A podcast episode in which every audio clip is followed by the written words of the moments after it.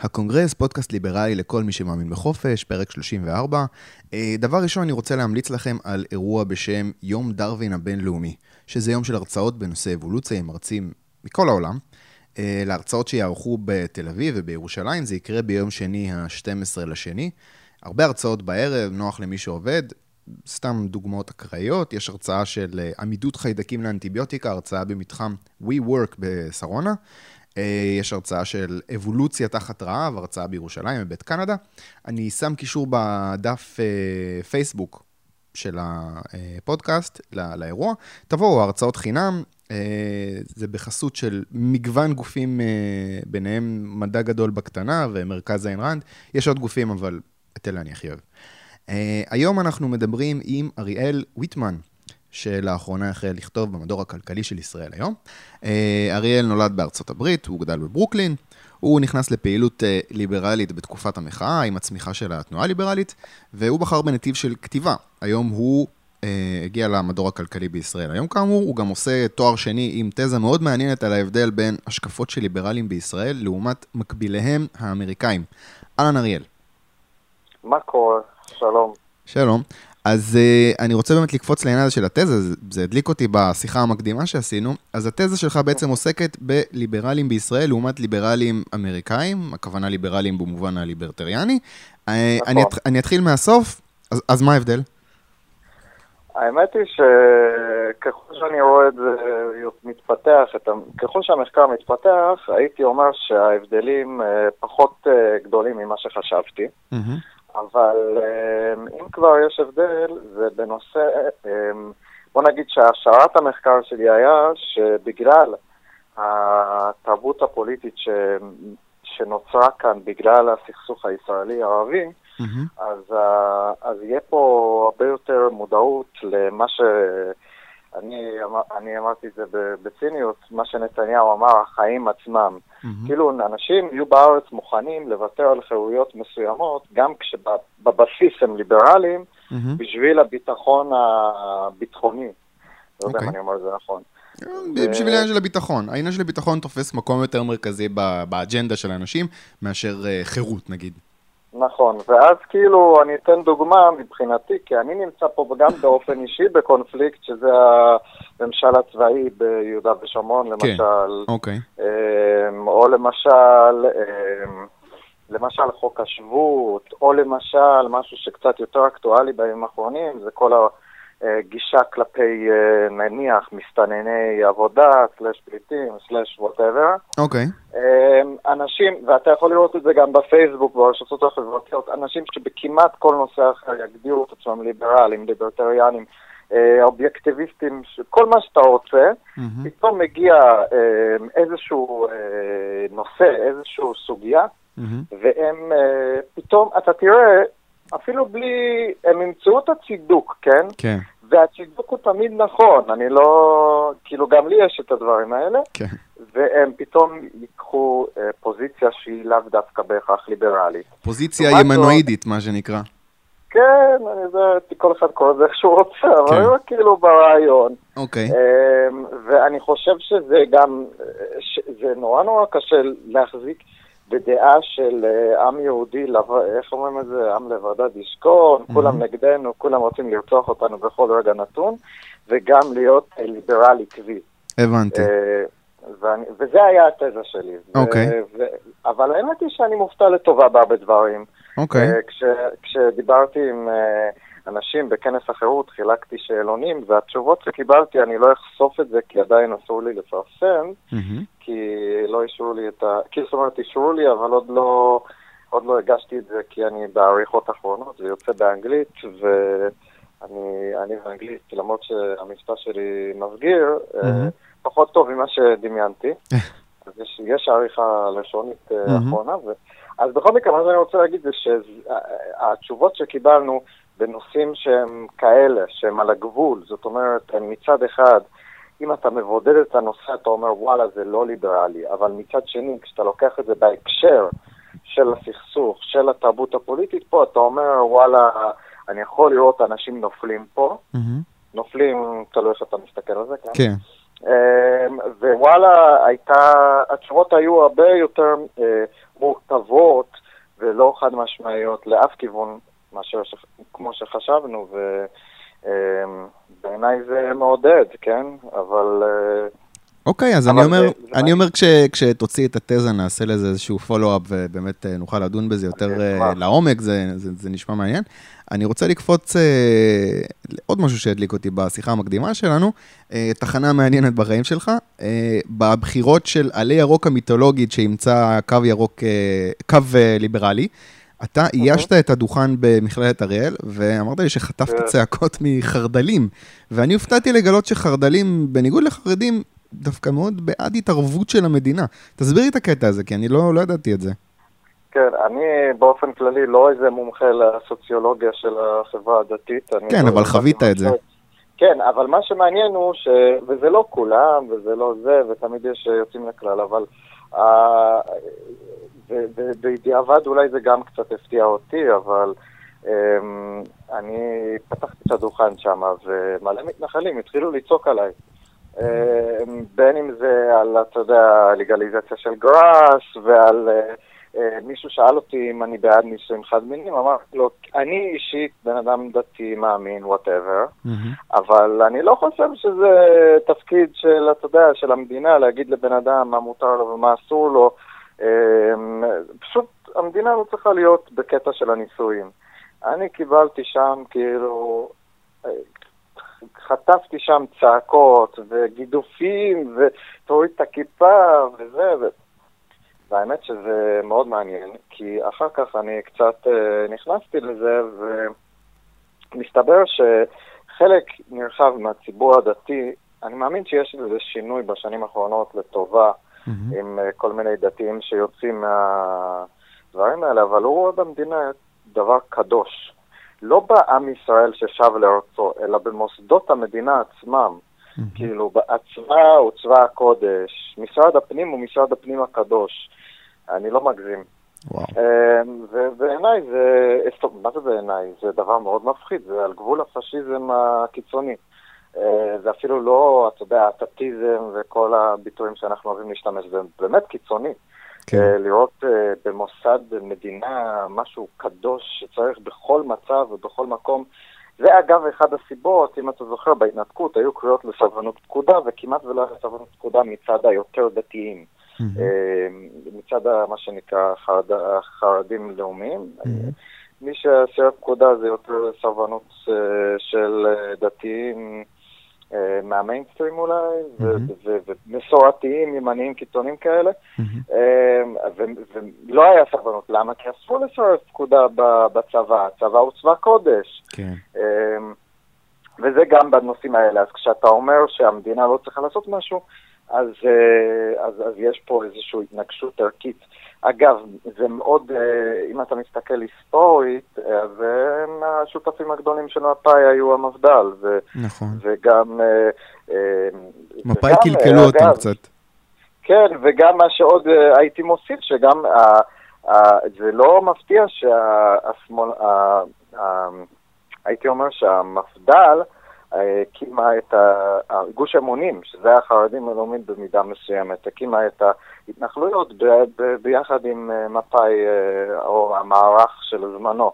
כן, הם בטח ראו את זה, הם חשבו, אנחנו ביד. הקיבוצים החדשים, אנחנו החלוצים החדשים. בטח כן, ככה הם ראו את זה. אבל הייתי מסייג את זה ואומר שבשנים האחרונות באמת יש, אה, הייתי אומר בדור האחרון, יש באמת הליכה ימינה מבחינה כלכלית לפחות. Mm-hmm. וזה מאוד מאוד יפה. וגם גם ההתנחלויות, אני למשל גד... הייתי באפרת, אני קצת רץ קדימה וזה, mm-hmm. אבל אה, אני הייתי שש שנים באפרת, בישיבה מאוד מאוד, אה, אה, שמסתכלת על דברים מאוד מאוד שונה, והמון חופש וחירות, הייתי אומר אפילו, וזה mm-hmm. מאוד מאוד שונה ומתפתח לכיוונים מאוד מאוד יפים. אז אני אומר ש... שלא צריך להגיד שהכל זה בצורה מסוימת, אלא שזה יותר מורכב, יש כאלה ויש כאלה. כלומר, בסיבוב הבא, כשאריאל ויטמן עוד אה, עשר שנים אה, יעמוד עם דוכן של אה, עלי ירוק 2028, יכול להיות, יכול, להיות שיהיה, יכול להיות שיהיה ויכוח בין החרד"לים לגבי אם נתמוך בזה או לא. אני אומר, קודם כל, אני חושב שהוויכוח הזה מתקיים כבר היום. אתה רואה את זה בין uh, בבתי כנסת כבר, uh, יש ויכוח, זאת אומרת, זה לא חד משמעי, יש עכשיו ויכוחים, יש כל מיני ארגונים שמנסים להכניס את uh, שמאל, שמאל כלכלי לתוך הציבור הדתי-לאומי והחרדי אפילו, mm-hmm. ויש ארגונים ימניים כמו פורום קהלת, קרן תקווה וכל זה. Mm-hmm. אז הוויכוח, עצם העובדה בעיניי שיש דיון, ויש ארגונים שמרגישים שהם יכולים להשפיע ולכן משקיעים בזה, או מראה לך ש... ש... אנשים מתקשרים אליי, מראה לך ש... שיש אה, דיון ויש ויכוח ואפשר להשפיע. הם לא היו משקיעים אם אי אפשר להשפיע. אז זה, זה מעודד בעיניי. זה מאוד מעודד, ווואלה, זה, זה חזית uh, מעניינת. אני רוצה, לפני שנדבר על uh, כמה נושאים אקטואליים, אה, אני רוצה לשאול אותך אם ראית אתמול את הסדרה של צבי יחזקאלי, את, את בזהות בדויה, את הפרק הראשון? האמת שלא, אבל okay. אוקיי. כולם התלהבו. ראיתי את התגובות בפייסבוק. אוקיי, okay, אה, אני, אני, אני, אה, אני רוצה לתת קצת רקע ולשאול אותך שאלה. אז למי שלא מכיר, זו okay. אוקיי. סדרה בערוץ 10, בזהות בדויה, כל יום שלישי בתשע. צבי יחזקאלי מתחזה לשייח' מירדן שמסתובב באירופה ומצלם את הקהילות המוסלמיות מבפנים. אה, הוא בעצם מעביר, מנסה להעביר ראיות לתזה שלו שהאסלאם משתלט על אירופה. אה, אגב, בפרק הראשון לא, לא היה יותר מדי, אה, לא, לא יותר מדי אקדחים מעשנים, זה, זה היה פחות מרשים ממה שציפיתי, אבל אני נותן צ'אנס לפרקים הבאים. בריאיון איתו לפני הסדרה, הוא אמר שהמוסלמים מזהים שאירופה מבחינה תרבותית מתרוקנת מתוכן. זאת אומרת, מחיים בעלי משמעות, הוא מייחס את זה, יותר נכון, המנחים שראיינו אותו ייחסו את זה לפוסט-מודרניזם, שהוא גורם לכך שאף אחד לא מאמין במה שהוא בעל משמעות גדולה בחיים שלו, וזה חולשה שקורצת לאסלאם, לבוא ולהשתלט. אני רוצה רגע לקחת את העניין הזה לוויכוח ליברלי שיש מדי פעם, וזה האם אה, רעיונות אה, ליברליים, גישה ליברלית, מציעה משמעות, תוכן, עיקרון מנחה לחיים, או שמדובר בסך הכל בכלים ליעילות כלכלית, ובואו נשים בצד את העניין הזה של המוסר, זה עניין סובייקטיבי, או שלפחות לא צריך לערבב אותו עם רעיונות של שוק חופשי ומדינה. איך אתה רואה את זה? אתה, אתה רואה בקידום אג'נדה ליברלית כאיזה משהו ש... אתה יודע, מוסיף נפח של משמעות לחיים, או שזה בסך הכל, אה, בואו בוא נעשה פה את הדברים זולים יותר או משהו כזה? כל אני אומר שזה גם וגם. ומעבר לכך, אה, בטח, אני רואה, אני, אני רואה את האמונות והתפיסות שלי, את המציאות, אה, את המציאות הפוליטית ואת המציאות מסביבנו, של איך החברה צריכה להתנהל, או איך הכי טוב לנהל את החברה, כגם מנחים של החיים שלי, mm-hmm. במובן המוצרי, אפילו ביני לבין אחרים. הייתי אומר את זה ככה, בתור אחד שגדל... בעולם, אה, הייתי אומר, חרדי סלש דתי, mm-hmm. אני רואה את הדבר הכי חשוב מבחינתי היה אה, החוסר, טוב, הייתי אומר את זה ככה, אני מתקן. מה שהיה, אני גדלתי במקום של כפייה דתית. זאת אומרת, לקחו את הילד לבית ספר ואמרו לו, זה מה שאתה עושה, אנחנו, אתה יודע, אומרים שמע ישראל כי ככה. אנחנו עושים את זה כי ככה. ומה, ומה, ומאוד מאוד חשוב לי שהגעתי לתובנה בשנים האחרונות שאני עושה את הדברים מתוך בחירה חופשית. לא כי ככה, אלא כי ככה אני מאמין, כי ככה אני רוצה, כי ככה אני חושב שנכון. וכשאתה מגיע ל... ל... לייעוד שלך בבחירה חופשית, במקום של uh, בחירה אמיתית. אז uh, זה אשכרה נותן uh, משמעות לבן אדם. אני חושב שזה לכל דבר, אגב, משמעות. כשיש לך מטרה, אתה מקבל משמעות. אבל אני חושב שכאן זה מעבר, כי כאן אנחנו, מש... אנחנו אומרים לאחרים לא לקבוע בשביל, בשביל מישהו אחר. ואז אתה מגיע לייעוד שלך בבחירה חופשית. ברור שאפשר לצקת תוכן לתוך זה מכל מיני מקומות. אני יכול להיות נוצרי ולאהוב את הליברליזם, או ההפך, לשנוא אותה. אמ, אני לא יודע אם אני מסביר את עצמי נכון, אבל... אה, אני מבין מה אתה אומר. יופי. זה מה שחשוב. אוקיי, אה, אוקיי, אני רוצה לקפוץ קדימה, זה, זה דיון מעניין, אבל יש לנו הרבה נושאים לעבור עליהם. ואני רוצה לדבר איתך שנייה על ישראל היום, העיתון שאתה עובד בו. אז בפרקים האחרונים של הפודקאסט הזכרתי מדי פעם שיש שינוי כיוון אולי בישראל היום, לפחות במדור הכלכלי, עכשיו כשערן ברטל עורך אותו. יש איזו בחירה מודעת מצידו בקו מערכתי אה, אה, ליברלי, שוק חופשי, או שיש איזשהו קו אובייקטיבי, כל מקרה לגופו, ו... תסביר לי לא, על הרוח שמנשבת שם. תראה, אנחנו באופן כללי, אני, אני אומר לך בפה מלא, אני לא חושב שזה סוד. אה, מרן אה, הוא ליברל, הוא מאמין בשוק חופשי, בכלכלת שוק. הוא מאמין שבכמה שיותר, פחות, אה, כמה שיותר, זה לי טעות פרודיאנית, מאמין בכמה שפחות אה, התערבות ממשלתית. הוא, אה, הוא, זה פשוט כיף לעבוד איתו במובן הזה, כי אנחנו באים מאותה גישה, ו... אתה יודע... זה בטח נדיר, אנחנו... זאת אומרת, אם אתה צריך למצוא מדור כלכלי שהעורך... בדרך כלל בטח זה יהיה הפוך, אתה תביא ידיעות. שדרך הפרספקטיבה הזאת של האג'נדה של שוק חופשי, ועורך אה, כלכלי בכל עיתון אחר בטח אה, יגיד לך, אה, זה לא מעניין, או אולי תביא את הזווית הזאת, ומה עם האי שוויון? תראה, ברור שאנחנו נביא, נגיד סתם לדוגמה, אם יש הפגנה של ההסתדרות באיזה תחום, אנחנו מביאים את ה... אין סיבה לא להביא את, ה, את, ה, את הזווית שלהם. כן. אבל זה ברור באופן עקבי, כשזה יום אחרי יום ויום אחרי יום, ואתה בוחר את מה להבליט ומה לא להבליט. בדיוק אגב כמו שעיתונים אחרים עושים, זה לא... פה אני לא מגלה לך סוד שעיתונים אחרים, גם בתחום הכלכלי, אתה יודע, הישראלים הם אה, אוהבים אה, להתייחס ליונית לוי, איזה שמאלנית, אתה יודע, מי שמצד השמאלני, אם אתה תלך לארץ הם יגידו על יונית לוי שהיא ימנית, אבל בסדר, אני אומר כאילו, ברעיון, ישראלים אוהבים להתלונן על דברים בתחום המדיני, ביטחוני, מה שקשור לסכסוך הישראלי-ערבי. נכון. אבל בסופו של דבר, אתה תפתח עיתון כלכלי גם, או מדור כלכלי בידיעות, ב... מעריב, בדה מרקר בארץ, ואתה תראה בדיוק את מה שהאורחים רוצים שאתה תראה, את הזווית הראייה שלהם. אני כמעט בטוח ש, שזה לא היום, אני חושב שזה די מקובל גם בתחום חקר התקשורת, שאין אה, אין, אה, אין תקשורת אובייקטיבית. כן. זה לא קיים. Mm-hmm. ו- ולכן אני לא חושב שזה בושה להגיד שאנחנו אה, מקדמים כלכלת שוק בצורה הכי אה, פשוטה וכנה, ב, כאילו, זה מה שאנחנו. וכשרן קיבל אותי לעבודה, הוא אמר את זה, אה, ו, ואני חושב שזה מה שהוא מחפש, ואנחנו מחפשים. אני, אני אגיד לך את האמת, זה, זה פשוט כיף לעבוד באווירה כזאת. כמו שאתה אומר, זה נדיר מאוד, זה באמת נדיר, במיוחד בארץ, זה עיתון שקיים רק עשר שנים, כן. ישראל היום, ו... אם תלך עשר שנים אחורה, לפני ישראל היום, אני לא חושב שהיה עיתון, אה, בוא נגיד, אה, בצורה ימנית, ימ, ימין כלכלי. ברור שאתה יודע... אומרים שגלובס היה כזה פעם. אני לא יודע, אני לא הייתי קורא... קצת יותר ענייני. אה, יכול להיות, כן, תשמע, אני לא יודע, אבל היום כאילו, אני לא... גלובס, תעשה לי טובה. היום...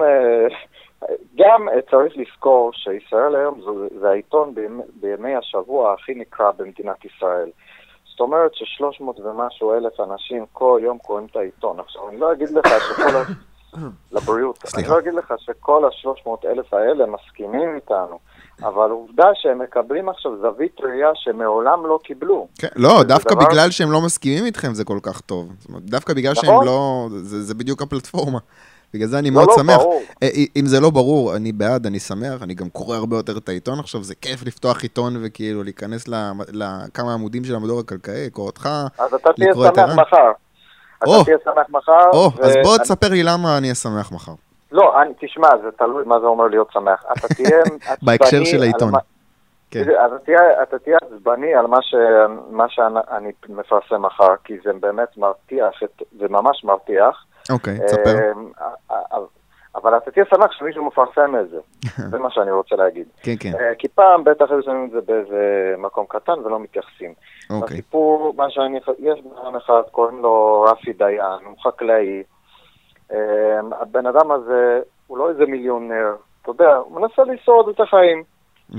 ואני, יש את מה שנקרא שיטות המכסות אה, של הביצים. יש אה, מועצת הלול שהיא בעצם מורכבת, אם אני לא טועה, רובה, או חלקה הגדול מורכב מאנשים שהם מהלולים הגדולים בארץ, mm-hmm. והיא מחלקת מכסות שבעצם אומרות, בסופו של דבר, אחרי שאתה לוקח, מוציא את כל המסביב, כמה עופות אתה יכול לגדל, כמה ביצים אתה יכול למכור, אה, שזה פשוט להגיד לבן אדם כמה ביצים הוא יכול לקפוץ, זאת אומרת, כמה פרנסה אתה יכול לעשות. כן. ולפ... ולהרבה אנשים היא לא נותנת מכסות בכלל. אז אני ואתה, אם אני נרצה לעבוד ולגדל ביצים, מהמם. אני לא רוצה, אבל אם אני ארצה, אני צריך לבקש ממועצת הלול אישור מכסה לביצים, ו- או ללולים, אני לא יודע בדיוק איך זה עובד. ה- אוקיי, אני חושב ה- ה- הרעיון ברור.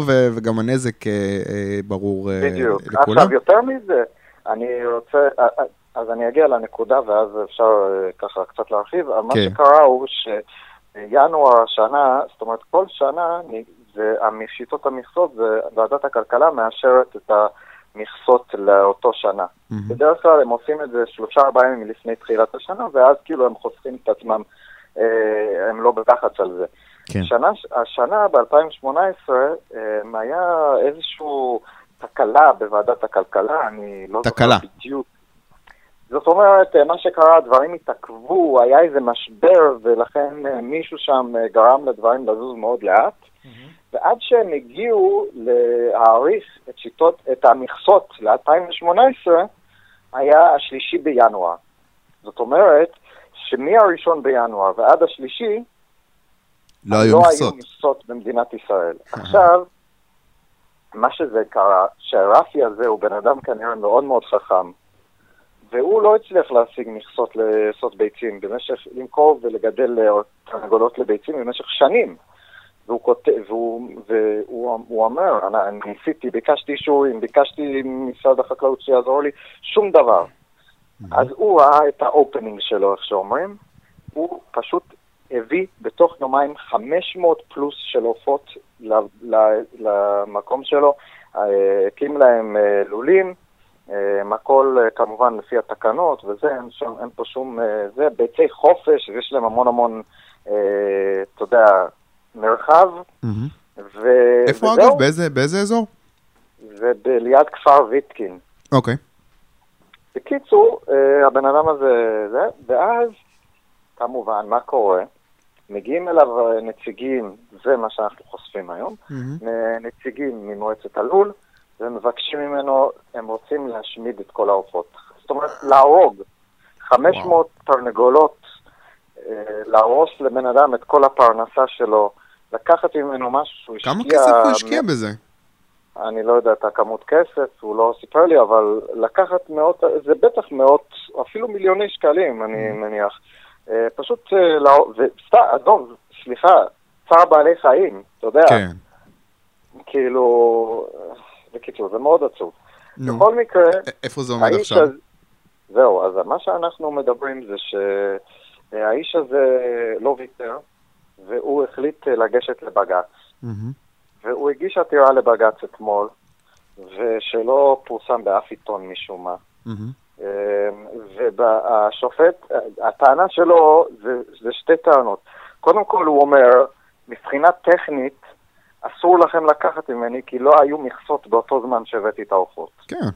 אוקיי. ומבחינת, מבחינה מוסרית, הם גם העורכי דין שלו כותבים, וזה מה שאהבתי, זה שהם לא נתפסו רק על הטכני, אלא הם העלו את זה באופן כללי. מה עם חופש העיסוק? יש חוק יסוד שאומר שכל בן אדם יכול לעסוק, ב, ב, אתה יודע, במה שטוב לו ובמה שהוא רוצה, כל עוד הוא לא, אתה יודע, חוק יסוד, זה לא. חוק יסוד? אני אומר, זה חוק יסוד, חופש העיסוק. כן. אז הם באמת, הם תוקפים את העניין גם בנושא של חופש העיסוק, והם אומרים, זה פשוט פוגע בחופש העיסוק של, של הלקוח שלנו, וכמובן של כל מי ש... כל בן אדם אחר. והוא... אתה אומר, אתה אומר לבג"ץ, איפה האקטיביזם של בג"ץ אה, כשאנחנו, כשליברלים צריכים אותו? רגע, זה עוד לא נגמר. אז הבג"ץ הוציא באמת אה, צו שאומר שאסור להם עכשיו, בינתיים לפחות, לה- להרוג את העופות שלו. אה, אז, אז לפחות הבג"ץ התערב באופן זמני. ולמשרד החקלאות ול, ולמועצת הלול יש 14 יום להשיב. עכשיו, אני דיברתי עם עורכי דין off the record, זה נשמע באופן כללי שאין למדינה ולמועצת הלול שום case נגד האיש הזה. מהמם. הם פשוט עושים את זה כדי לטרטר אותו ולעשות, לשלוח מסר ל- לאנשים אחרים ולחקלאים אחרים שיחשבו לעשות כזה דבר, אם זה יקרה אי פעם בעתיד, והם פשוט כאילו, אתה יודע, עושים, משגעים אותו בשביל, אתה יודע, אל תתעסק לעשות ממנו דוגמה. בדיוק. כשחקלאי שיושב במקום אחר אומר, אני לא אתעסק עם מועצת הלול, כי, כי אתה יודע, כי לא כן. שווה לי. ו, ו, וזהו, זה פשוט, פשוט מרתיח את הדם, זה לא, אתה יודע, בן אדם מיליונר עכשיו, ש, שאתה יודע, טייקון במרכאות, זה בן אדם שבסך הכל הוא רוצה, הוא לא רוצה סבסוד מהמדינה, הוא לא רוצה כלום, הוא רוצה פשוט לעשות את הדבר שהוא אוהב לעשות ולהרוויח ממנו כסף, והוא אומר גם בדוח שלו, בבג"ץ שלו, במכתב תביעה, שהמועצת הלול, הם מאשרים לייבא ביצים ממקומות אחרים כשיש חוסר. אז מה הם, הם בעצם גורמים לחוסר בכך שהם לא מאפשרים לאנשים אחרים לגדל את הביצים, ואז העיקר לא לתת לחקלאים אחרים בארץ אה, להתחרות בהם, כי הם כל כך מפחדים מהתחרות. הם יבואו ב- ביצים, וזו הוכחה אגב שיש חוסר כנראה בשוק. ו- והם, והם, והם, זה פשוט לא יאומן, זה ממש, זה פשוט הרתיח אותי היום, ואתה יודע, דרך כלל אתה מנסה לשמור מרחק מדברים, אבל זה, זה פשוט אני. מרתיח. אני יכול להבין. ו- טוב, אני- זה אני- מתקשר לנושא השני של ה- שאנחנו דיברנו גם. זהו, ב- רק תזכירי את השם של החקלאי הזה. קוראים לו רפי, רפאל דיין. רפאל דיין, נעקוב אחרי הסיפור, אני אעקוב אחרי הסיפור הזה. כן, מחר? הוא יתפרסם, אני חושב שגם אנחנו נפרסם את התמונה שלו ואת התמונה של הלולים היפים שלו, אז אה, האיש לא, זה, אתה יודע. אה, הוא לא פייק. אוקיי, אז... אה, לו... כן, כן, כן. אין לי ספק שהוא אה, בן אדם אמיתי. אה, אוקיי, עברנו לאקטואליה, אני רוצה באמת אה, להעלות את הנושא, את, את הנושא הבא שקשור קצת. אה, אנחנו מדברים על אה, קמפיין של התאחדות התעשיינים שנאבקים בהחלטה לבטל את המכס על הטקסטיל. אה, כיום יש עדיין מכס על טקסטיל, אם אני לא טועה זה מדובר במכס אחיד של 6%, והביטול המתוכנן שלו מוציא את התאחדות התעשיינים למאבק. אני רוצה שתספר לי על המאבק הזה, קודם מה, מה הם עושים. כן, אז זה מאוד מעניין. קודם כל, אה, הביטול כבר, אה, זה התחיל מלפני שבוע, כשהשר כחלון, אה, שר האוצר, חתם על הצו שביטל את המכס על טקסטיל. עכשיו, השוק הטקסטיל בארץ הוא לא גדול במיוחד, והוא גם לא, והוא גם קטן משנה לשנה, אם אני, אם אני אה, אגיד נכון. אה, אמציה סמכאי, הפרסן שלנו, אמר לי שהשוק הטקסטיל בארץ הוא מורכב, מש... מממנים אותו שלוש גורמים. איך הוא, שור- הוא, שול... הוא שורד על ידי שלושה גורמים. גורם ראשון זה הצבא שמחויב לקנות ממנו ומערכת הביטחון. גורם שלישי זה המכסים שמצילים אותו, וגורם אה, גורם שני, וגורם שלישי זה באמת, אתה יודע, כולנו, מי שקונה, אם מישהו קונה ישראלי. עכשיו, לרוב, מי שלא מוכר לצבא זה יהיה טקסטיל בוטיק, זה יהיה מעצבות, אתה יודע, של שמאלות אה, ערב או דברים כאלה. עכשיו, הוא, אה, 6% אה, מכס היה עד עכשיו, אה, והורידו, ביטלו את המכס. עכשיו, מהמם. יש פה גם... יש פה כמובן פוליטיקות, ואתה יודע, אנשים... תספר, אה, תספר לי על הקמפיין, אבל הם שמים עכשיו אה, זהו. בילבורדים? אז הם החליטו, שמים אה, בילבורדים, ואני לא יודע אם הם שמים בילבורדים, אבל הם בוודאי שמים בכל יום במשך החודש הקרוב בעיתונים, בכל העיתונים בארץ, גם אצלנו, בכל מקום, אה, עמוד שלם של פרסומת שבה רואים בעצם, לפחות במודעות שאני ראיתי, רואים אה, תופרת דרוזית מה... בל- בלבוש מסורתי כזה. אה, מבוגרת, אה, וכתוב אה, משהו בסגנון של היא הולכת לאבד את המקום העבודה שלה אה, בגלל הורדת המכס, השר כחלון, אתה מחסל את התעשייה, אה, ואני דיברתי גם עם שרגא ברוש ועם שהוא יושב ראש התעשיינים, מהמם. ובאמת הטענה היא שהמדינה אה, צריכה להגן כמובן על התעשייה המקומית, מהמם. זו הטענה שלהם, כן? כן. לא... ו... ושה-6% האלה בביטולם הם אה, בעצם גורמים למוות של התעשייה. עכשיו אה, אמר לי, אה, ברח לי, אוריאל לין, מה... שהוא בעצם מייצג יבואנים, כן. הוא אמר לי, אני, הוא אומר לי, אני ניהלתי מפעל טקסטיל. אם הם לא יכולים לספוג את ה-6% האלה, זה לא 30-40 אחוז. אם הם לא יכולים לספוג 6%, משהו לא בסדר איתם. הם לא יודעים לנהל עסק. או שהעסק שלהם אין, להם, אין לו שום זכות קיום. והמדהים הוא שכשמורידים את המכס, לא רק על זה, גם על מוצרי צריכה אחרים, כמו חשמל, כמו בגדים, טקסטיל זה בגדים, אבל חשמל mm-hmm. ודברים אחרים, כולם נהנים מזה. גם אותו תופרת דרוזית בצפון, ש, שהיא, אתה יודע, אני מניח שרובם לא יפוטו, mm-hmm. כן? כי מערכת הביטחון עדיין תקנה את הבגדים אצלהם, ובלי קשר לזה, אני מניח שהוא, ש...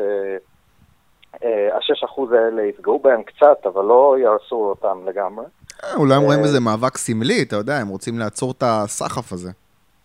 כן, אבל אתה יודע, זה כבר נראה לי, שרגא ברוש אמר לי, ופרסמתי את זה בעיתון, שהשר כחלון אכפת לו רק מיוקר המחיה ושום דבר אחר. אתה יודע, אז אני אומר... בקטע הזה אני חושב שמי שמאמין בתחרות ובשוק אה, חופשי במובן הזה, mm-hmm. אנחנו ניצחנו את המלחמה. לפחות, אתה יודע, אין הרבה מלחמות שניצחנו, זה מלחמה אחת שניצחנו. כי הציבור היום בארץ, עם כל החברתיות במרכאות שלו, הוא מבין שכשאתה מכניס יותר תחרות בתחום, אתה מקבל דברים יותר זולים. כן? אז אני, אני רוצה לשאול אותך ב, כן. בהקשר הזה, אולי לנסות לתפוס קצת את העמדה של הצד השני. אז בנושא הזה של הטקסטיל, בעבר היו מכסים הרבה יותר גבוהים, והיו עשרות אלפי עובדים בתעשיית הטקסטיל בארץ. נכון. בסוף שנות ה-70 החלה חשיפה ליבוא והורדה של החומות מכס, ומפעלים נכון. נפלו אחד אחרי השני, עשרות אלפי עובדים אה, היו, היו מובטלים. היה הרבה סבל, אבל היום, קודם כל, הם מצאו עבודה. אה, ולא צריך להוציא 200 שקל על חולצה פשוטה. עכשיו, זה לא שבגדים היום יקרים כל כך, אז למה לקחת את הכבשת רש הזאת של השישה אחוז, ואולי לגזור סוף לפרנסה של, כן, של כמה אלפי עובדים שנשארו אה, בתעשייה הזאת. אתה שואל מהכיוון הזה. כן. הייתי אומר, ש... הייתי אומר שהתשובה נמצאת בגוף השאלה שלך. כי, אם אתה באמת גוזל, ואם אתה חושב שהשש אחוז האלה באמת זה, זה, זה יגזול מהם את כל ה... אתה יודע, mm-hmm. הרי אז, אז היינו אמורים להיות פה עם איזה 30-40 אחוז אבטלה היום. כאילו, אם זה ההיגיון, אם ההיגיון הוא שהשש אחוז האלה כל כך גורם להם לסבל, mm-hmm.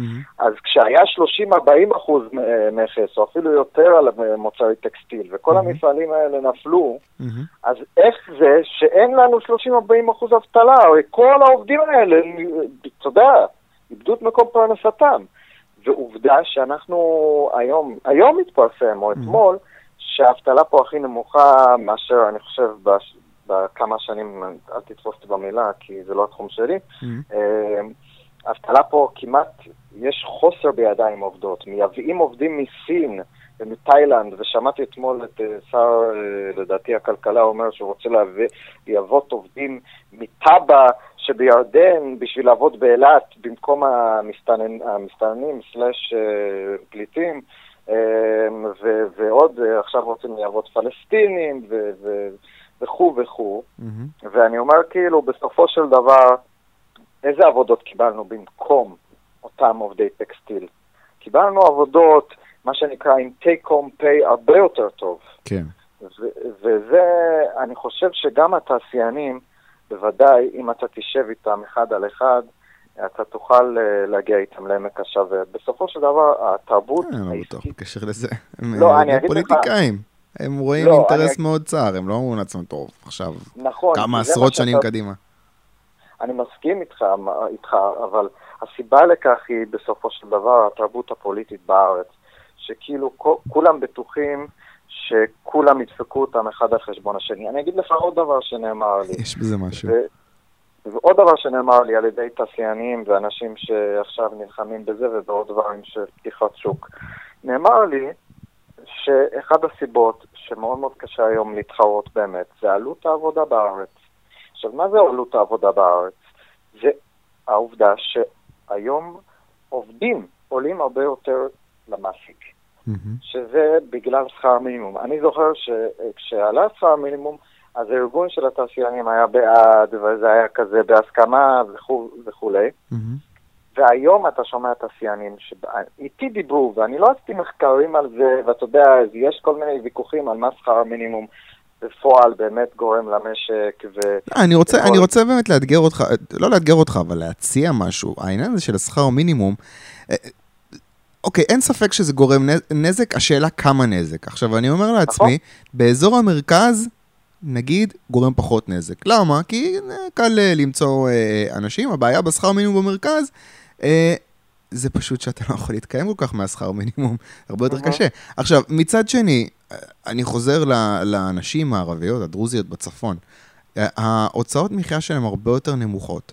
יכול להיות מצב, אפילו שהאבטלה באופן כללי נמוכה מאוד בארץ, שבאופן ספציפי בפריפריה, באזורים ש, שאין הרבה מפעלים, כשמפעל כזה נסגר, זה יכול לגרום נזק אה, מאוד גדול. אני אומר לעצמי, למה באזורים של פריפריה, או באזורים של אבטלה גבוהה, אתה לא נותן שם פטור משכר מינימום? ואז אנשים יכולים, לה... אתה, אתה מבין? עדיף כאילו לעבוד, במיוחד במקום שיש לך פחות הוצאות אה, מחיה, עדיף לך לעבוד, לא יודע, ב-4,000 שקל, מאשר לא לעבוד בכלל. טוב, אז בוא נשאל אותך שאלה, אני, אתה יודע, אני אתעלה עליך. בוא נעשה, בוא נעשה, אה, ניתן יותר, אה, אם כבר, אז כבר, ובוא ניתן יותר כוח לרשויות המקומיות לקבוע חוקי עבודה מקומיים. אני בעד. לא, אני אומר, כאילו, אם, אם אתה הולך בכיוון הזה, זה יכול להיות רעיון טוב. אני לא מתנגד עקרונית, אבל הייתי, הייתי גם מוסיף על זה ואומר שאורי ילין, שהוא זה שתיווך בין שר האוצר לבין היבואנים, אמר לי שכמה וכמה רשתות קמעונאות, כשכחלון העלה מולם את הפחד שלו מפיטורים המוניים במתפרות ובמקומות כאלה, הם הבטיחו שהם יעסיקו את האנשים האלה במידה והם באמת יפוטו. אה. זאת אומרת שאין את הבעיה הזאת, והבעיה היא שבאמת העסקים שם באמת יפסידו כסף, כי הם יצטרכו להתחרות, וזה... ב... אני, אני מבין לליבם, כן. אני מבין לליבם, כי זה באמת הם יפסידו כסף, באמת. אבל אתה יודע, כאילו בסוף, השאלה מה, מה הסדר העדיפויות של המדינה, ומה מוסרי מבחינת... Uh, האם זה מוסרי להחזיק שמונה מיליון וחצי אנשים, לגרום לכל הבגדים שלהם להיות יותר יקרים, בשביל uh, לעזור לכמה, לדעתי זה לא מגיע ליותר מ-200 נשים דרוזיות שעובדות במתפרות. זה השאלה. אה, די מדובר בתעשייה של כמה אלפי אנשים, לא? אני מדבר רק על הנשים הדרוזיות. אוקיי, אוקיי, אוקיי.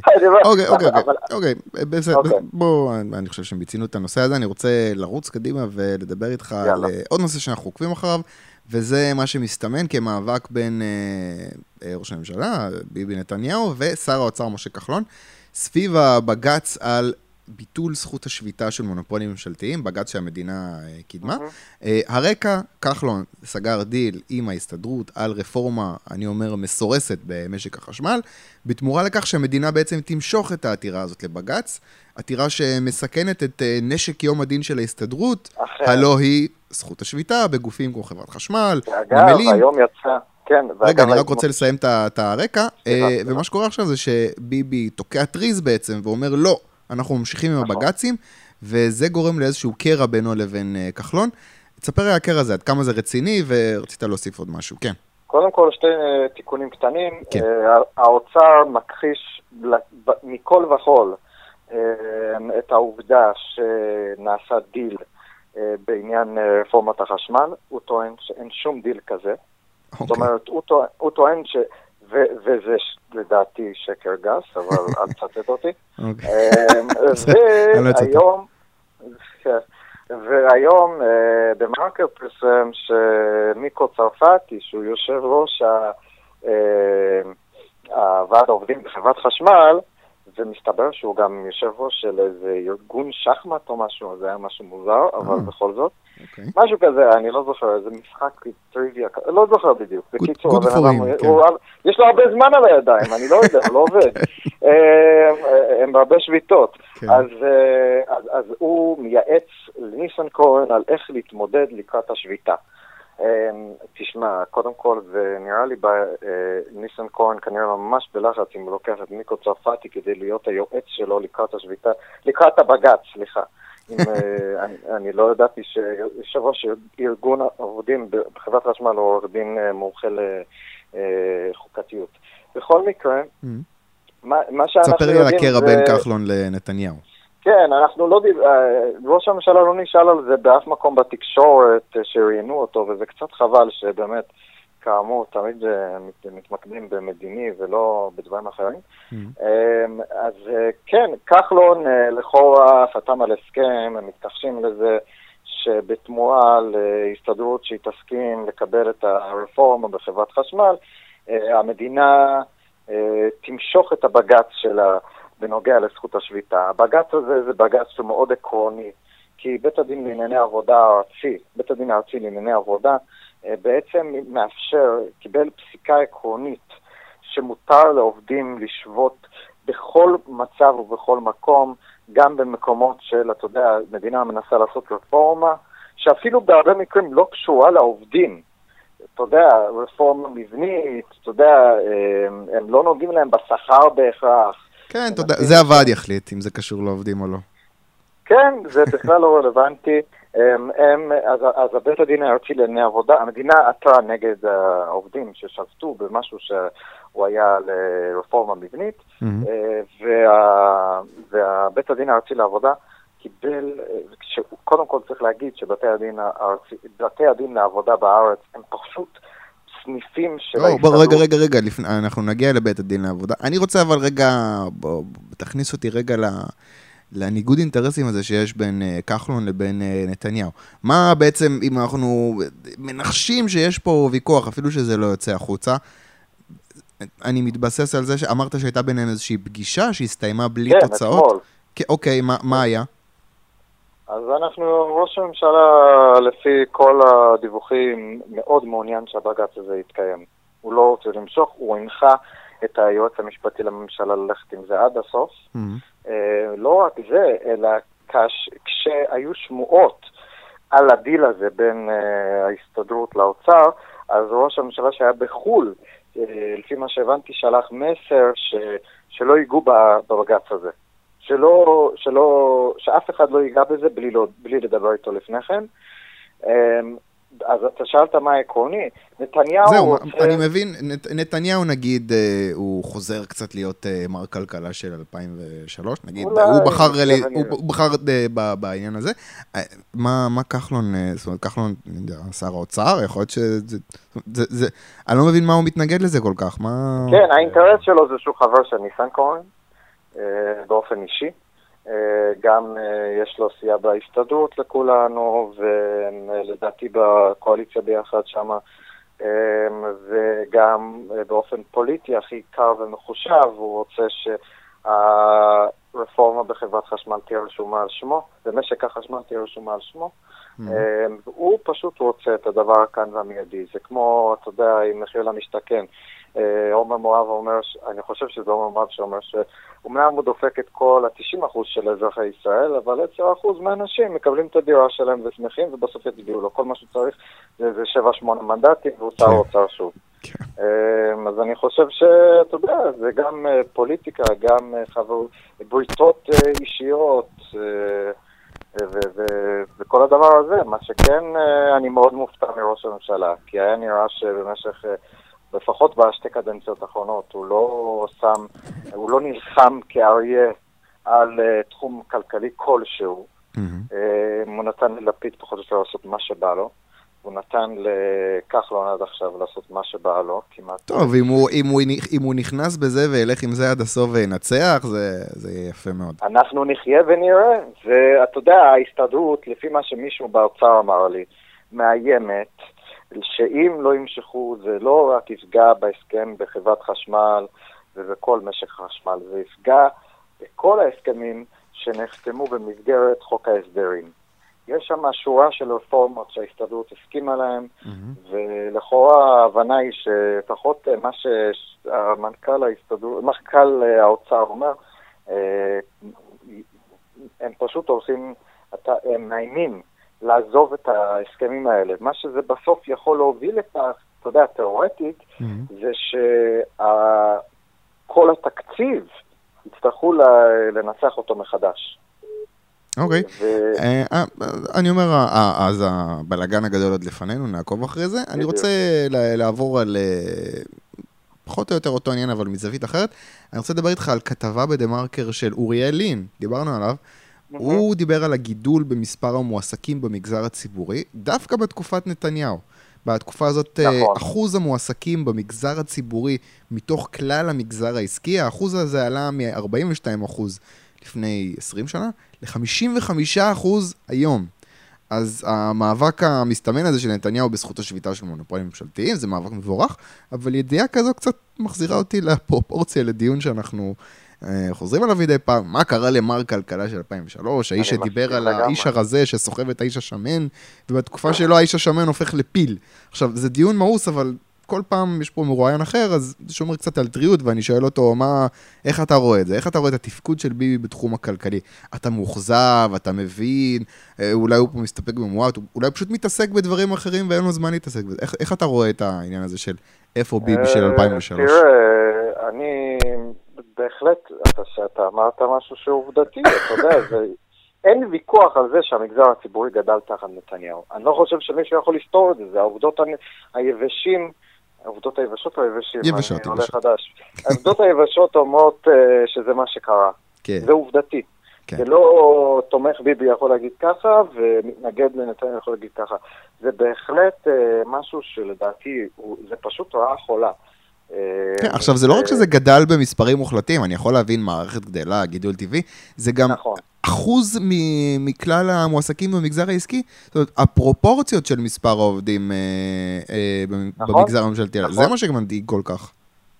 גם הפרופורציות וגם הכוח, אגב, בהרבה מקרים הכוח שלפחות בשנים האחרונות ניתן לארגוני העובדים להיכנס בכל מיני משאים ומתנים שלא קשורים אליהם ונתן להם עוד כוח זה קרה תחת ממשלת נתניהו. Mm. אמ, זה פשוט נורא, הדברים האלה. נו, ולמה? מה, מה, מה הניחוש שלך? מה התחושה שלך? אז שפשוט uh, הוא מתעסק בדברים אחרים? כן. מה קרה? אה, אמ, נתניהו, אני אמרתי לך את זה קודם, mm. הוא החליט להתמקד באיראן ובפלסטינים. אוקיי. Okay. וזהו.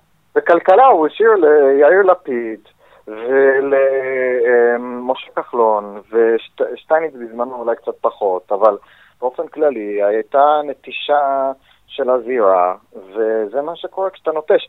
מעבר לזה שאני לא, אני לא, זה באמת תעלומה בעיניי. כאילו, אתה יודע, אפשר לנטוש, לנטוש, ואפשר לנטוש, ממש לנטוש. כן. ויש בהרבה מקרים נטישה רבתי.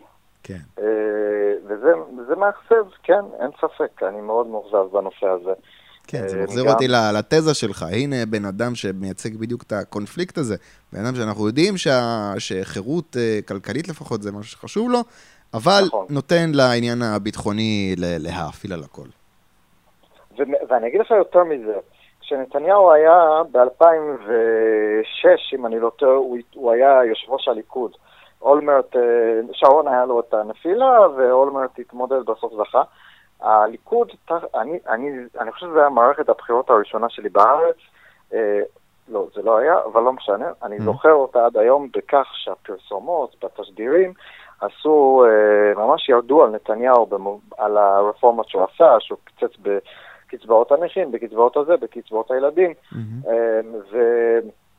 ואני חושב שהוא במידה רבה נכווה מזה, ולכן הוא לא, אתה יודע, הוא לא, הוא מפחד לגעת בזה, כי הוא יודע שפוליטית זה יכול לפגוע בו.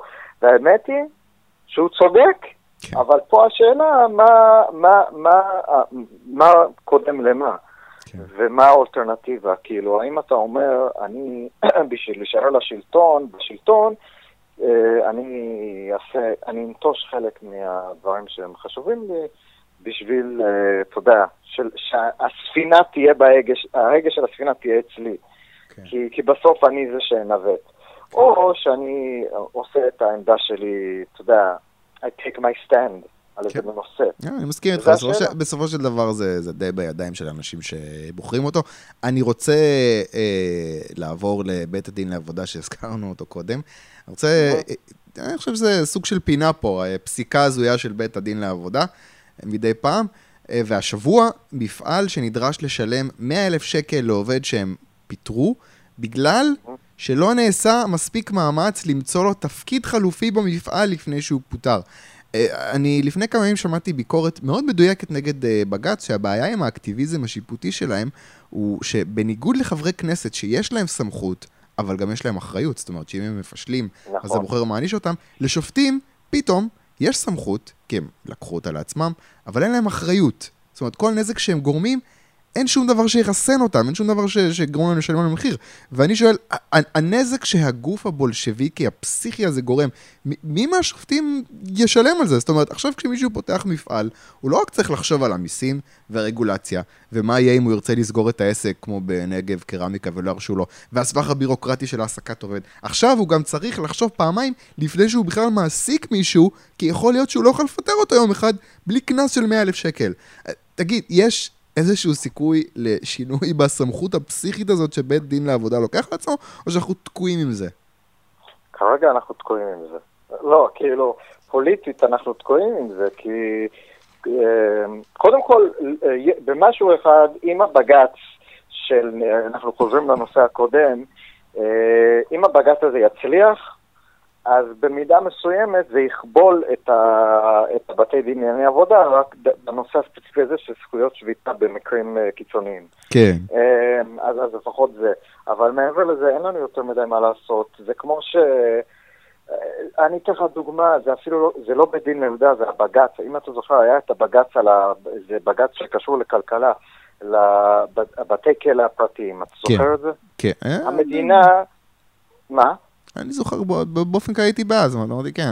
המדינה השקיעה מאות מיליוני שקלים על לבנות בית כלא פרטי, וממש בית כלא יפה כזה, והחברה, לדעתי זה היה החברה של לוייב, אבל אני לא זוכר במדויק, לא זוכר mm-hmm. במדויק, mm-hmm. מאות מיליוני שקלים החברה mm-hmm. השקיעה, בהנחה ש...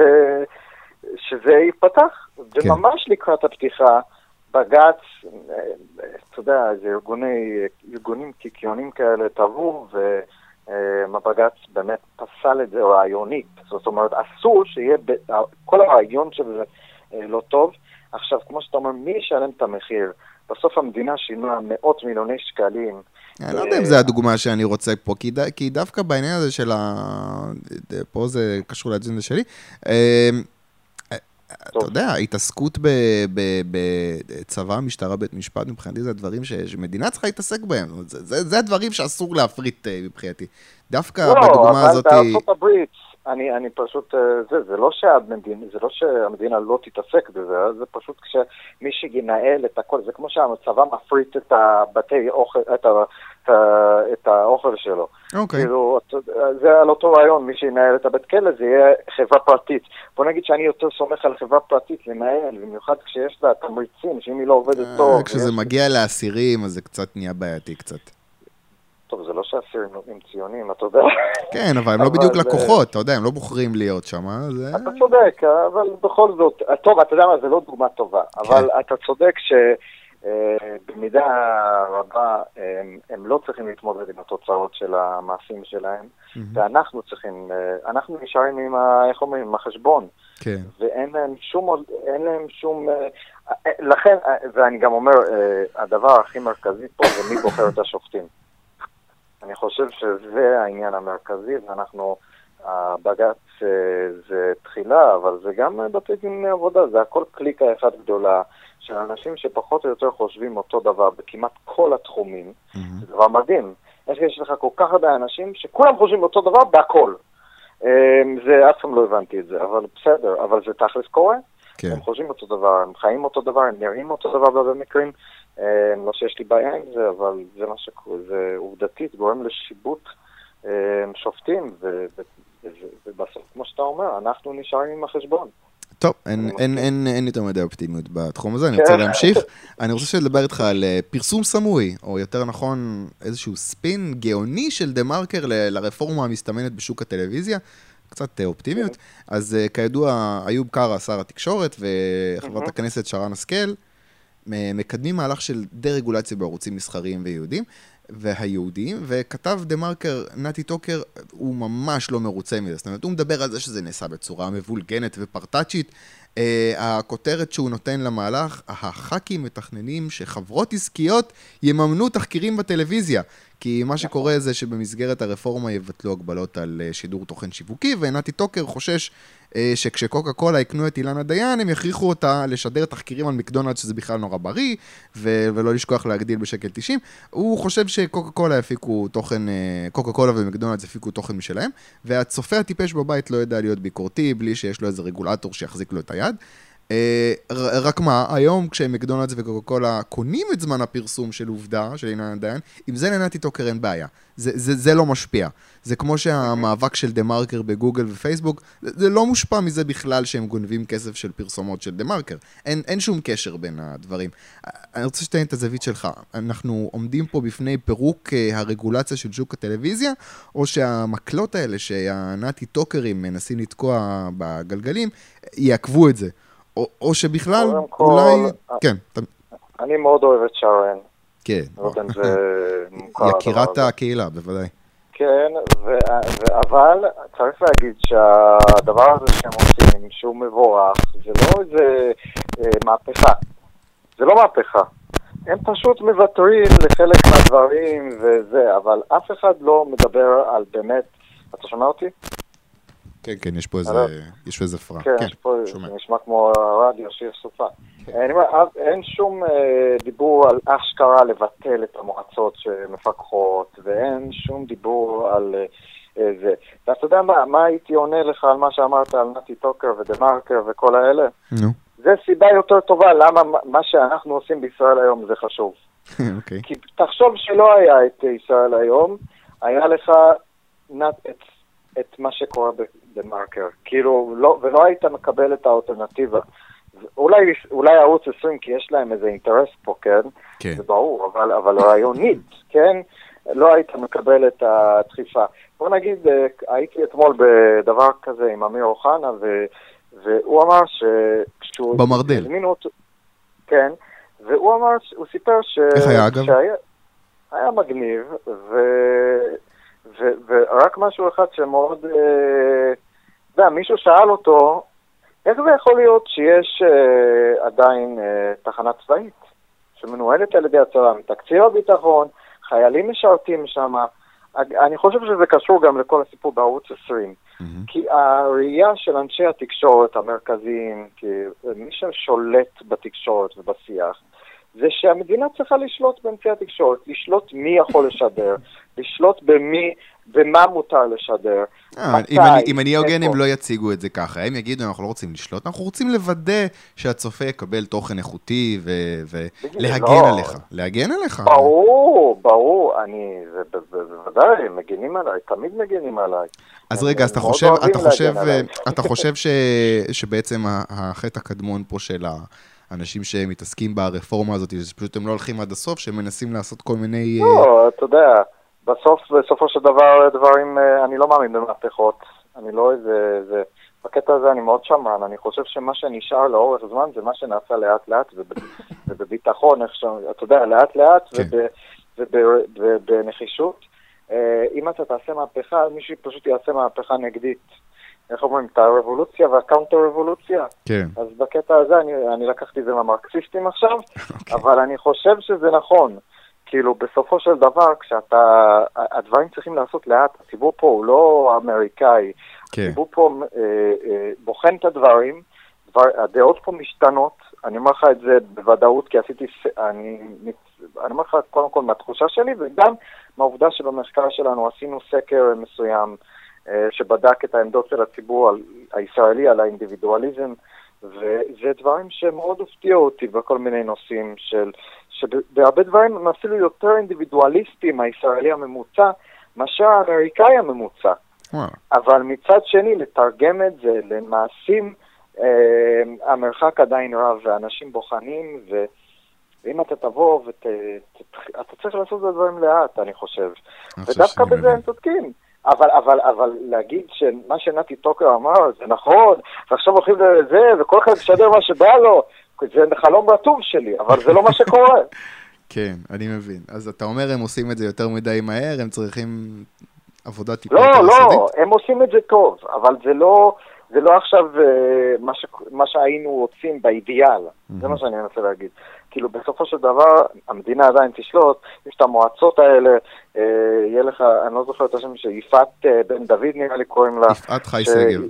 יפעת חי שגב, סליחה, שהיא יושבת, אני לא יודע מה, היא יושבת ראש, או, או מועצת הכבלים, לא, הכבלים היוונים זה משהו אחר. ראשת השנייה, ראשת כן. השנייה. כן. והם, אה, לא מזמן ראיתי אה, אה, כתבה מאוד מפורטת שהסבירה איך עובד הרגולציה שלהם, ומה שמדהים הוא שיש אנשים שמקבלים כסף לצפות בכל דקה, בכל יום, בכל שעה של הטלוויזיה, של כל הערוצים, ולספור באחוזים איזה סוג של תוכניות יש בכל שעות היום, כן. וממש לתת קנסות אם חורגים בחלק מהדברים. זה נורא, זה לא זה, יאומן. זה, ש... נורא מצחיק, לא אתה יומן. יודע, אין, זה, זה לא יאומן, זה, זה, זה נשמע אבסורדי.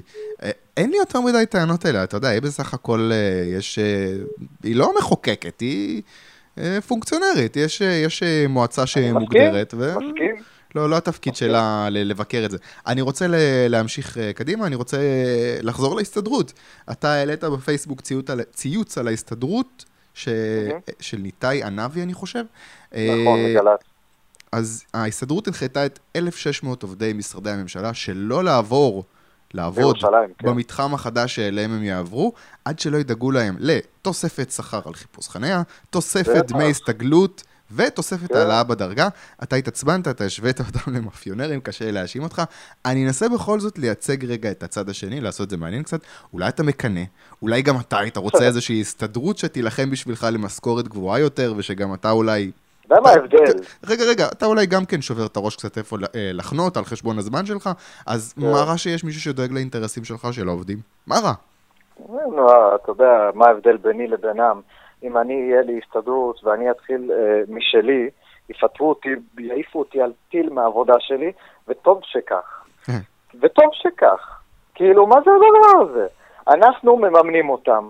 הם חיים, הם בקושי, כאילו, טוב, אני לא רוצה עכשיו להתחיל להתעצבן, אבל אתה יודע, כן. זה, זה, זה פשוט... אה, תסביר את המובן, למה זה מכעיס, למה זה... עוד פעם אני אומר לך, יש מישהו שדואג לעובדים, מה רע? צריך לדאוג לעובדים. לא, אין לי שום טענות למי שדואג לעובדים. כן, mm-hmm. סבבה, תדאג לעובדים. אבל החוקים בארץ, נניח, אני בעד שיהיה הסתדרות חזקה, אבל שיהיה גמישות ניהולית. אם זה ה-level playing field, אני בעד. סבבה. אתם יודעים, אתם רוצים לשבות? אני אפטר אתכם. אתה יודע, אתה מבין? כאילו, אבל היום גם שופטים וגם אין למעסיק שום אפשרות לעשות מה שבא לו. וכשזה מגיע לעובדי מדינה זה פי עשר יותר גרוע. כי מי המעסיק שלהם? אני. זה לא, אתה יודע, זה לא כאילו הפוליטיקאי שבסוף נכנע ונותן מהכסף של עצמו, הוא נותן כן. מהכסף שלי. כן. התוספת הזאת שתהיה להם בגלל החנייה, זה לא שהם יקבלו את זה, כן? אני, אני מאמין שהם יקבלו את מה שהם רוצים. הם יקבלו. והם יקבלו בשביל השקט התעשייתי, וזה לא הכסף של מי שייתן להם, זה לא הכסף שלו.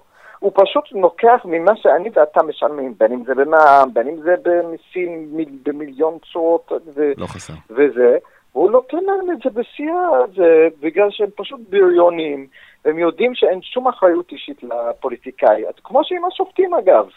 אתה חושב, אה, התיאוריית הבחירה הציבורית פה עובדת קשה.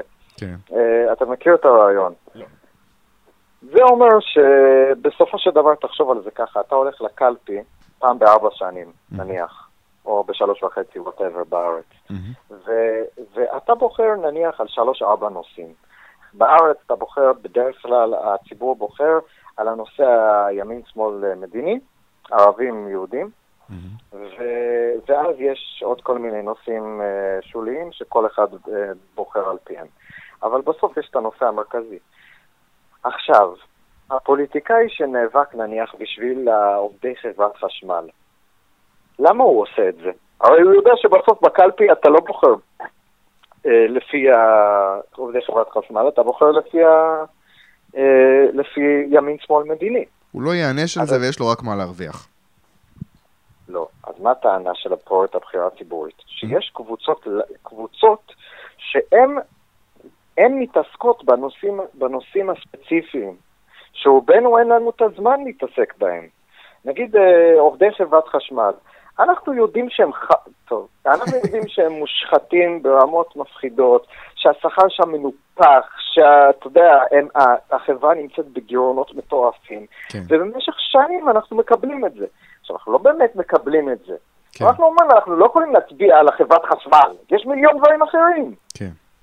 אבל יש קבוצה של שם עובדים, שפשוט מחזיקים קבוצה של פוליטיקאים, ורק על הנושא הזה הם עובדים. Mm-hmm. ולכן להם יש את האפשרות להצליח בנושא הספציפי הזה, כי הציבור לא מתעסק בנושא הספציפי הזה באופן כללי. כן, גם ולכן... בצדק, כאילו, איפה, איפה תתחיל? יש לך, אתה יודע, בסופו נכון, של דבר, בדיוק. יש uh, עשרות מוקדים כאלה של... Uh, גיא רולניק דווקא קרא לזה, יפה קורא לזה מיליציות מיסוי עצמאיות. זאת אומרת, יש לך כל מיני uh, מאכערים ש, שכל אחד uh, גוזרים ממך את הנתח הקטן הזה. לך עכשיו תרדוף אחרי כולם. ולא, נכון, זה, לא, זה לא חשוב שאתה ש... לא תיתן עדיפות לפוליטיקאי שיגיד, אני עכשיו הולך לחסל את זה. אז זה אשמתנו נכון. במובן מסוים. נכון, ואגב, זה למה הסיבה, ש... למה הסיבה, יצא לי עכשיו קצת דילג, אה, זה הסיבה המרכזית, המרכזית שצריך להתפקד למפלגות. למה? כי אז אתה הופך לאחד הקבוצות האינטרס. כן. והפוליטיקאים צריכים, כמו שהם עושים לחברת חשמל, כמובן, זה תלוי באיזה כמות של אנשים, mm. אבל את, כמו שהחברת חשמל אה, עושה שמות במפלגת העבודה ובכל מיני ארגונים אחרים mm-hmm. וכו', בסוף, אם יש מספיק אנשים שזה מספיק חשוב להם להתעסק בנושאים הספציפיים האלה, ככה אני קורא לזה, mm-hmm. אז, אז, אז זה יצליח. והפוליטיקאים יצטרכו להתייחס אליהם. אוקיי, אני רוצה... אה, אה, כן. פשוט אנחנו חורגים קצת מהזמן, אני רוצה כן. לעבור לנושא הבא שקצת קשור לעניין הזה. משרד הכלכלה, הוא מבטל את החובה לבדיקות של מכון התקנים עבור מוצרים מסוימים, זה דיווח של עמליה דואק, זה קצת חדשות טובות. אם עד היום ייבאת נכון. נגיד עשרה לפטופים, אז היית צריך לשלם למכון התקנים 860 שקל כדי לבדוק אותם, לא משנה מי בדק את זה לפני זה, כן? אז התשלום פרוטקשן הזה נגמר, זה נהדר, ומשרד הכלכלה ממשיך קצת בקו של זיגזג כזה. רק לפני שבועיים דיברתי עם בועז ארד על אה, היטל היצף שהם הצליחו להטיל לטובת אה, פניציה. אה, יצרנית נכון. זכוכית מקומית, שיגן עליהם מפני יבוא. כן, כן, גם דיברנו על זה, עזרת לי לגבש קצת כן. את ה... עובדות לגבי זה. אהבתי קצת, בסדר. אני לא אדבר על הקונספירציות של קשרי כחלון הסתדרות, אני אגש ישר לשורה התחתונה. אה, היה את זה, עכשיו יש את זה. עכשיו, אז כולנו של כחלון, כשאתה עושה את הסך הכל, כן. זה יותר נזק או יותר תועלת? הם יותר מתערבים או יותר משחררים? אה, תלוי מי, אבל המפלגה באופן כללי כן. זה מפלגה נוראית ביותר. יש שם כמה, אתה יודע, דברים שהם עושים בקטנה. Mm-hmm. אבל בסוף יש לך שם uh, כמעט על ימין ועל שמאל, כמעט כל חבר וחברה, זה פשוט, uh, אתה יודע, אתה מכיר את uh, זאתי, בורח לי השם שלה, ש... ועל זה אנחנו עובדים, על סדרות חוקים בכנסת. רחל עזריה. עכשיו, תשמע, אני, אני אגיד לך, אפילו היא עשתה דברים טובים מסוימים. כן. אני השבוע הייתי בכשרות פרטית בירושלים, אתה מכיר את זה? אה, כן. זה החברת כשרות פרטית שנלחמת ברבנות. אז מי שהתחיל אותם בהתחלה זה היה רחל עזריה כשהיא הייתה חברת מועצה בירושלים. אבל, אבל אז, אז אני אומר, גם היא, במובן הליברלי, זה נחשב. כן. היא, היא נלחמה ברבנות בשבילם. אבל בסוף, בסוף, בסך הכל, כמו שאתה הגדרת, זה משהו באמת נורא. זה לא יאומן כי יסופר הדבר הזה. זה, אתה רואה את הדברים האלה ואתה אומר כאילו, זה כמו רועי פולקמן, שבתור בן אדם הוא נשמע לי אחלה בן אדם. הוא אומר, אנחנו מפלגת, אני חושב שזהו, מפלגת ימין מדיני ושמאל חבר... אה, כלכלי. אמ, ודבר, ודברים כאלה וכאלה.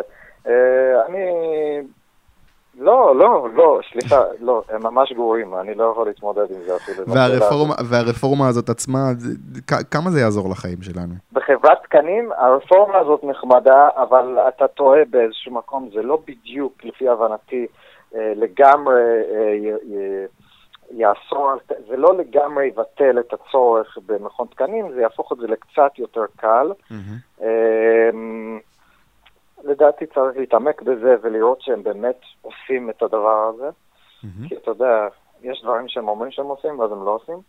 אמ, אבל זה לא בדיוק, זאת אומרת, זה לא מהפכני כמו שחשבתי כששיתפתי את הפוסט בפייסבוק והתלהבתי. אמ, אז, אז אני... כל הקלה זה טוב. כן. כאילו, מה... כל דבר זה טוב. כן. כמה שפחות זה טוב. אבל... יכול להיות שזה באמת רק ליבוא, יכול להיות שזה פטור רק ליבוא של כמויות קטנות? אני לא זוכר בדיוק, אני, אם אתה רוצה אני אוקיי, לא, לא, לא, לא, לא, לא התעמקנו בזה, אני אנסה אה, לבדוק את זה ולעדכן אולי בפודקאסט הבא. אני רוצה לעבור איתך לדבר האחרון, שזה המלצת תרבות. אה, ספר, סרט או פודקאסט או אירוע שאתה רוצה להמליץ עליו. אה, אני אתחיל, אני, אני אתחיל, אני אתן לך דקה. אוקיי. לחשוב. אני רוצה להמליץ על הפרק האחרון של פודקאסט שנקרא Two Nice Jewish Boys. זה פודקאסט של שני יהודים, אמריקאים, אה, הם יושבים אבל בתל אביב ומקליטים פודקאסט אה, על מה שקורה בישראל, אבל באנגלית. ובפרק האחרון שלהם הם אירחו פעיל זכויות אדם אה, פלסטיני בשם באסם עייד, שהיה חבר בבצלם, כן, כן, טוב. כן, כן, בחור טוב, אה, היה חבר בבצלם עוד בימי האינתיפאדה הראשונה, ב-88, והיום יש לו הרבה טענות ל-BDS, נכון. לבצלם. אה, הוא מסביר למה שגשוג כלכלי בגדה הוא אינטרס של הפלסטינים, ואיך הפעילות של BDS אה, גורמת לנזק, גורמת למשל לסגירה של מפעלים כמו סודה סטרים ומעלה אדומים, ובעקיפין גם לסגירה של מפעל בייגל בייגל באזור התעשייה נכון. ברקן, וזה פגע במאות פלסטינים שם. הוא מספר על שיחה שלו עם בעל מפעל בייגל בייגל שכיום בצפת, אה, הוא מספר לו ש... עדיין כמה שנים עברו מאז שהמפעל עבר, ופועלים עדיין מתקשרים אליו כדי שיעזור להם בעבודה, כי אצלו הם היו מרוויחים 6,000 שקל בחודש, כשבשכם הם מרוויחים היום 1,400 שקל בחודש. אגב, בהקשר הזה פתאום קפץ לי, מעניין מתי עמותות צדק חברתי ידרשו לאכוף חוקי שכר המינימום גם בשטחי הרשות הפלסטינית. זאת אומרת, מה קרה? להם לא מגיע צדק חברתי? מה ההמלצה שלך? אז אני, אני פשוט חייב להוסיף על מה שאמרת. כן. שאתה שאלת על השכר מינימום בגדה המערבית, אז היה, אז היה לא מזמן הצעת חוק, שמעתי את זה כשאני וערן עשינו סיור במפעלים ובתעשייה ב, ביהודה ושומרון, ומישהו סיפר לנו שהיה איזו הצעה בכנסת מטעם הבית היהודי להכיל חוקי עבודה גם ביהודה ושומרון. ומי התנגד לזה? הערבים? לא, הסוחרים היהודים, הבעלי העסקים. אה, ברור. הם לא רוצים לשלם את השכר מינימום וחוקי עבודה. ברור. אז uh, סתם אנקדוטה. Uh, עם uh, המלצת תרבות, האמת שאני כל כך עסוק בזה נכון, אבל יש לי עד הבנתה שלי ספר, וזה ספר, לדעתי, זה לא איזה ספר, אתה יודע, ליברלי פר סי, mm-hmm. אבל אני חושב שזה חשוב, בעיקר במדינת ישראל, זה נקרא אי ציות ודמוקרטיה. ופשוט uh, לוקח נאומים של אנשים שלקחו את רעיון האי-ציות, רעיון הפשוט, uh, אם המדינה או החברה אומרת לך לעשות משהו שהוא לא מוסרי בצורה קיצונית בעיניך, mm-hmm. פשוט לא לציית ולשאת בתוצאות. וזה נאומים כמו מרטין לותר קינג, uh, אפילו טולסטוי וגנדי וג'ו... Uh, ויש אפילו ישראלים, אני מסתכל על זה עכשיו, שלמה אבינרי, mm-hmm. חיים, השופט חיים כהן, אה, אני עכשיו קורא, ההקדמה, זה מאוד מעניין, של אה, אה, פרופסור יורם חזוני, אם אתה מכיר, לדעתי הוא במדעי המדינה, mm-hmm. והוא מנסה, להסביר, מנסה לעשות את ה... את ה הוא מנסה לטעון שהרעיון של אי ציות, הרעיון של חירותיות ושל לא לציית עם משהו לא מוסרי, זה משהו שהתרבות היהודית העתיקה, העברית העתיקה המציאה. Hmm. של מי הספר? אה, של, זה, לא- זה ספר שפשוט מאגד מלא mm. נאומים, זה הספר של הוצאת שלם. אה, אנשים יקרים. כן, אז זה מאוד מעניין, וזה מאוד גם, אני חושב, אקטואלי, כאילו, אנחנו חיים במקום ש... אתה לא, בארצות הברית, אתה, כשגדלתי בארצות הברית, אז אתה אתה חי בפינה שלך ואתה, ואתה לא... הפוליטיקה לא בהכרח משפיעה עליך mm-hmm. כאדם מן השורה. כן. אבל במדינת ישראל אתה כמעט ולא יכול לברוח מזה. כן. הפוליטיקה נמצאת בכל מקום והיא משפיעה עליך, ולכן אם אתה בן אדם שחשוב לו המוסר וחשוב לו להיות, אה, אתה יודע, בן אדם טוב, בפשטות, כן? Mm-hmm. אז uh, זה חשוב uh, לדעת על מה להילחם ועל מה לא, ועל מה ללכת עד הסוף ועל מה לוותר. אני חושב שזה...